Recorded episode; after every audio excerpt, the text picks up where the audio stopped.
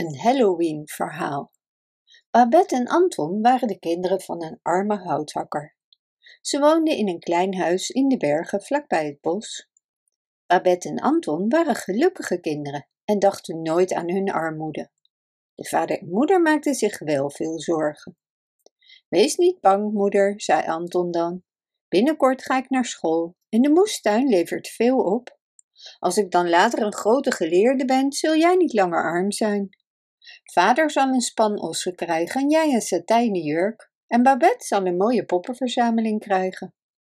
De moeder zei: Ik denk dat je beter een speelgoedmaker kan worden. Je bent er zo goed in, mijn kind. Anton maakte bootjes van stukjes hout die net zo mooi waren als de bootjes uit de winkel. Hij sneed ook een poppenwieg uit dennenhout. De pop maakte hij van een raap, die hij beschilderde, zo mooi dat het leek alsof het echt het gezicht van een mooi meisje was. Haar haren maakte hij van gouden maïsdraden en haar jurk, gemaakt van jonge koolbladeren, was prachtig groen. Als dit poppetje dan begon te verschrompelen, maakte Anton weer een nieuwe pop, die volgens zijn zusje altijd mooier was dan de vorige. Babette was nog nooit in het dorp geweest en wist dus niets van echte poppen. Nu gebeurde het, op een avond in de Halloween-tijd, dat Anton Jack de lantaarns zat te snijden uit pompoenen. Deze wilde hij verkopen in het dorp. Babette zat bij hem. Omdat ze nog maar zes jaar oud was, wist ze nog niets van Halloween-pret. Ze luisterde met grote ogen van verbazing naar Anton die alles wist over Jack de lantaarns. En toen ze hoorde dus dat jongens en meisjes verkleed als heksen en kabouters door de straten gingen, besloot ze dat ze dat ook wilde. Wat moet het mooi zijn, riep ze terwijl ze in haar handen klapte. Halloween moet heel erg op kerstmis lijken. Niet zo mooi als kerstmis, maar Halloween is wel echt een leuk feest, zei Anton. Toen de Jack de lantaarns klaar waren, stapelde Anton ze in zijn karretje om te verkopen op de markt. Laten we de stad ingaan, Anton, riep Babette. Moeder kan voor ons kabouterjurken maken. En er is nog een grote pompoen in de tuin voor een Jack de lantaarn. Oh, wat een pret zullen we hebben. Babette, riep Anton verbaasd uit. Moeder heeft geen tijd om kabouterjurken voor ons te maken. En al zou ze het willen, ze heeft geen stof. Bovendien, hoe moeten we onze weg naar huis terugvinden in het donker door het bos? Jij weet de weg door het bos, toch, Anton? drong Babette aan. En als moeder geen kabouterjurken voor ons kan maken, kunnen we zonder. Het zal donker zijn en onze Jack de lantaarn zal net zo mooi zijn als alle anderen. Kom, laten we alsjeblieft gaan, smeekte ze. Ik ben nog nooit naar een Halloweenfeest geweest. Babette was gewend haar zin te krijgen en begon nog harder te huilen. En toen ze echt niet ophield met huilen, riep hij uit: Als je nu meteen stopt met huilen, zal ik een klein Halloweenfeestje regelen voor jou en mij. Babette droogde haar tranen en beloofde het. Ze wenste zo vurig een Halloweenfeest. En of dat thuis of in het dorp zou zijn, maakte niets uit. De volgende dag deed Babette erg haar best. Ze hielp Anton met de groenten voor de markt en keek hoe hij de laatste pompoen uit de tuin haalde. Toen de Jack de lantaarn klaar was, stak Anton de kaars heel even aan. En Babette klapte in haar handen van blijdschap. Maar Anton zei haar dat het Halloweenfeestje geheim moest blijven. Na het eten gingen de kinderen zoals gewoonlijk naar bed. Maar in plaats van zich uit te kleden, trokken ze hun nachthemden aan over hun jassen. Onze nachthemden zijn net spookjurken, fluisterde Anton. En toen alles stil was, kropen ze zachtjes naar buiten. Kijk, de pompoen lacht naar ons, lachte Babette. Ze was heel blij, want het Halloween-avontuur zou nu beginnen. Anton stak een lucifers aan om de kaars aan te steken. Maar er was geen kaars in de Jack de lantaarn. Ik weet zeker dat ik er een kaars in heb gedaan, zei hij verbaasd. Ze gingen op zoek in het donker en daar onder de bank vonden ze de resten van zijn kostbare kaars. Oh, Babette, riep hij, een gemene rat heeft onze kaars gestolen en ik heb er nog wel een cent voor betaald. Oh, die ellendige ratten, riep Babette en barstte in tranen uit. En ze stampte met haar voet en liet de Jack de lantaarn van de bank rollen. De pompoen kwam met een plof op de aarde en deukte een klein beetje in zijn neus. Babette, kijk nu eens wat je hebt gedaan, riep Anton en hij bukte zich om de pompoen op te rapen. Maar de pompoen was te snel voor hem. Het gaat je niet lukken om mij te pakken, lachte de pompoen. Babette heeft gezorgd voor een deuk in mijn neus, maar dat maakt niet uit op een Halloweenfeest. Tot ziens jullie, riep hij luchtig en rolde snel de heuvel af. Kom hier, je bent mijn pompoen, riep Anton en ging achter de weggelopen pompoen aan. Babette volgde. Oh, mijn Halloweenfeest, oh, mijn Halloweenfeest, treurde ze. Nu hebben we geen Jack de Lantaarn meer en ook geen kaars. Wacht maar tot hij de moestuin inrolt, schreeuwde Anton, terwijl hij nog steeds achter de pompoen aanrende. Hij zal stoppen bij de heg. En ja hoor, toen de pompoen de heg bereikte, maakte hij een grote sprong en landde direct in de moestuin. Kom op, rapen, kom op, wortelen, kom mee, riep de pompoen terwijl hij voortrolde. En bij zijn woorden rukten de wortelen en de rapen zich los uit de aarde en kwamen schreeuwend achter hem aan. Kom op, kom op, riep de pompoen nu tegen de pastinaak en de bieten. En ook zij volgden de wortelen en de rapen. Kijk eens hoe Anton ons probeert te pakken, riep de pompoen. En alle andere groenten draaiden zich om en lachten spottend. Op gewone avonden mag je de baas zijn, Anton, riepen ze, maar niet op Halloween. Dat is onze avond. Nou, wacht maar tot ik jullie te pakken heb. Eens even kijken of jullie dan nog zo hard moeten lachen, riep Anton boos. Toen hij zag dat zijn moestuin werd verwoest, was hij erg boos geworden. Je zult ons eerst moeten pakken voordat je ons kunt straffen, nietwaar, Anton? antwoordde ze spottend. Hoera, het is Halloween, hoera, het is Halloween, zong de pompoen terwijl hij rondjes draaide.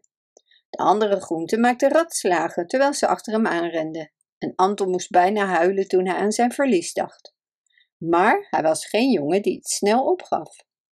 Pak me dan, als je kan, zong de pompoen, terwijl hij hem voorging naar een deurtje dat naar een ondergronds bos ging. De rapen en wortelen wurmden zich erin. Toen Anton en zijn zusje het deurtje bereikten, probeerde een ruwe aardappel hem in zijn gezicht te slaan. Maar Anton was sneller en ze klommen met veel pijn en moeite door het deurtje het ondergrondse bos in. Ze zetten de achtervolging voort, maar de grond was hier heel veerkrachtig en elastisch. We halen ze wel in, zei Anton. Toen stootte een aardappel zijn teen en Babette ving hem. Hij kronkelde om los te komen, maar Babette hield hem stevig vast. Help, help, brulde de aardappel. Wacht op mij, pompoen. Hij huilde hard. En bij zijn kreten draaide de pompoen zich om en alle andere groenten volgden hem. Luister, sprak de pompoen op overtuigende toon. Geef ons een avond vrij. Halloween is namelijk onze avond. De pompoen wiebelde vrolijk heen en weer en lachte met een brede grijns. En Anton was geneigd zijn gevangene vrij te laten. Maar toen dacht hij weer aan zijn verwoeste moestuin en hij werd weer boos. Fijn dat je opeens zo beleefd bent en smeekt voor het leven van je vriend, zei Anton. Maar die vriend probeerde mij net wel in mijn gezicht te slaan. Dat was verkeerd, riep de aardappel. Maar dat was een paar seconden geleden, nu niet meer. Wees nu stil, riep de pompoen, zo bereik je niets, aardappel. Laat hem vrij voor mij, Anton, vervolgde hij op innemende toon. Jij zou het toch ook zat zijn om altijd in bed te liggen en nooit op pad te kunnen gaan? Maar pompoen, antwoordde Anton, denk eens aan mijn moestuin die verwoest is. Ik was al mijn groentegeld aan het sparen om naar school te gaan, en nu kan ik nooit meer gaan. Trouwens, hoe kon ik weten dat je het zat bent om altijd in een groentebed te liggen? Je hebt nog nooit met me gesproken. Ik praat nu met je, antwoordde de pompoen. En wat je moestuin betreft, dat zullen we allemaal goed maken, nietwaar, jongens? Dat zullen we zeker doen, riepen de groenten in koor, en de aardappel schreeuwde het hardst van allemaal. Zie je wel, we bedoelen het niet kwaad. Het is Halloweenfeest, verklaarde de pompoen. Dus laat de aardappel gaan. En bij de toverwoorden Halloweenfeest liet Babette de aardappel los. Ze zou nu plezier gaan maken en de groenten leken er een vrolijke bol van te maken. Dus werd er vrede gesloten en de kinderen liepen in de stoet tussen de uien en de rapen. Opeens beval de pompoen halt te houden en een dozijn of meer koolsoorten sloten zich bij de stoet aan. Jullie zijn een leuk stel, hijgde de kool. Wij zaten al die tijd in de opslagruimte te wachten en zagen jullie als gekken de heuvel afstormen. Goede genade, zei een zeer stevige kool, die vreselijk buiten adem was. Ik zal mijn buitenste bladeren moeten verwijderen voordat ik nog een stap zet. Ik heb het gevoel alsof ik al gekookt ben. De stoet ging verder terwijl ze vrolijke liedjes zongen. Opeens kwamen er grote zwarte katten van achter de bomen tevoorschijn. En elke kat kreeg daarna ook nog gezelschap van zijn meesteres, die niets anders was dan een echte heks met een hoge hoed en een bezemsteel. De kolen stelden Anton en Babette voor aan de heksen, en de heksen vonden het leuk de kinderen te ontmoeten. Het schijnen geen boze heksen te zijn, of wel, Anton? fluisterde Babette. O, lieve meid, zei een heks die het hoorde, met Halloween zijn wij niet slecht. Elke andere avond zou ik je waarschijnlijk wel kwaad doen. Dat is mijn aard nu eenmaal. Ze pakte uit haar tas een pepermunt en gaf het aan Babette, die het meteen opat. Dat moet je niet doen, lieve meid, berispte de heks. Het komt zelden voor dat heksen pepermunt geven, en als ze dat doen, moet je ze goed bewaren. Hier is er nog eentje om te bewaren. Babette maakte zo'n mooie buiging als dank, dat de heks haar meenam voor een ritje op haar bezemsteel. Het was het vrolijkste gezelschap dat je je maar voor kon stellen. Elke groente zong zijn eigen Halloweenlied. En Babette vloog met haar witte nachthemd wapperend in de wind op de bezemsteel van de heks en zong net zo luid als de rest. Toen kwamen ze bij de dansvloer, die verlicht werd door miljoenen glimwormen. Een orkest van wel tienduizend kikkers zong leuke deuntjes.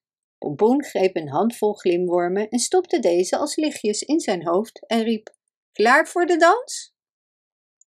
In plaats van een danspartner te zoeken, sprongen de groenten vrolijk in het rond en Anton moest er erg om lachen.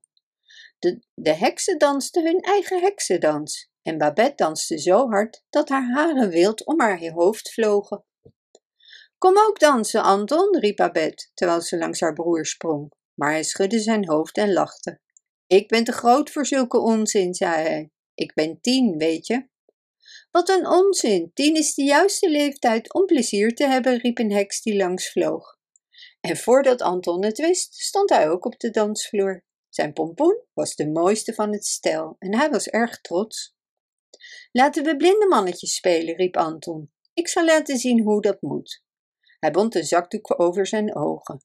En de groenten vonden het zo leuk dat ze alleen dit spel nog wilden spelen. Maar toen klonk er plotseling het gekraai van een haan. Goede genade, riep een heks. De glimwormen zijn allemaal uit. Het is bijna ochtend. Iedereen die terug moet naar de moestuin kan maar beter vertrekken. Ik niet, riep de pompoen. Ik ben voor altijd klaar in dat groentebed. Wij ook niet, riepen de kolen. Wij zullen wilde kolen worden. En meteen begonnen alle groenten hun stem te verheffen en te verklaren dat ze niet meer terug zouden gaan naar de moestuin. O, stil jullie allemaal, riep de heks. Blijf de rest van je leven in het bos als je wilt. Mij kan het niet schelen. Maar Anton en Babette wel, en zij moeten naar huis. Nou, mevrouw, antwoordde de pompoen met een buiging, we dachten dat u wel zo goed zou zijn om ze op uw bezemsteel naar huis te brengen. Maar pompoen, riep Anton ontzet, je hebt beloofd het goed te maken als ik de aardappel liet gaan. Dus ik denk dat jullie allemaal met me mee moeten gaan. Ik zal geen groente hebben als jullie allemaal in het bos blijven. Maak je daar geen zorgen over, Anton, zei de pompoen plechtig. Hier is een zak met goud, voor ieder van jullie.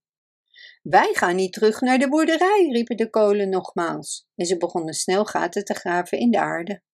En voordat Anton en Babette op de bezemsteel zaten, waren alle wortelen, kolen, rapen en zelfs de pompoen weggestopt in de zanderige bodem. Dit was de mooiste Halloween-stoet die er bestaat, zei Babette voordat ze in slaap viel tegen Anton aan. De bezemsteel vloog snel door de lucht. De sterren gingen uit toen ze langskwamen.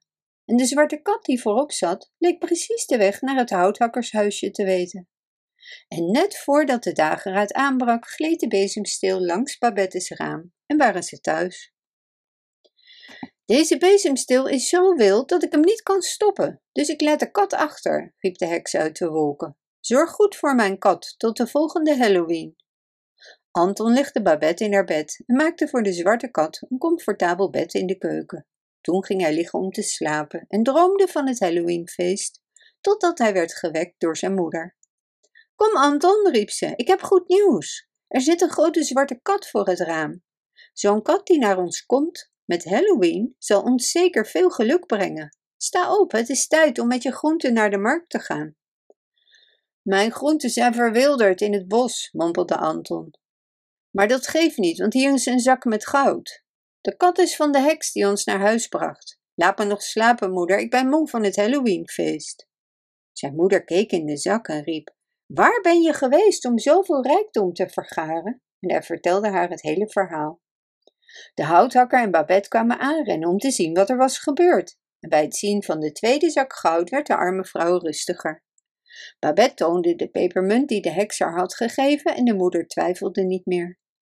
Een pepermunt van een heks krijgen is een grote gunst, zei ze, en ze begon door haar tranen heen te lachen.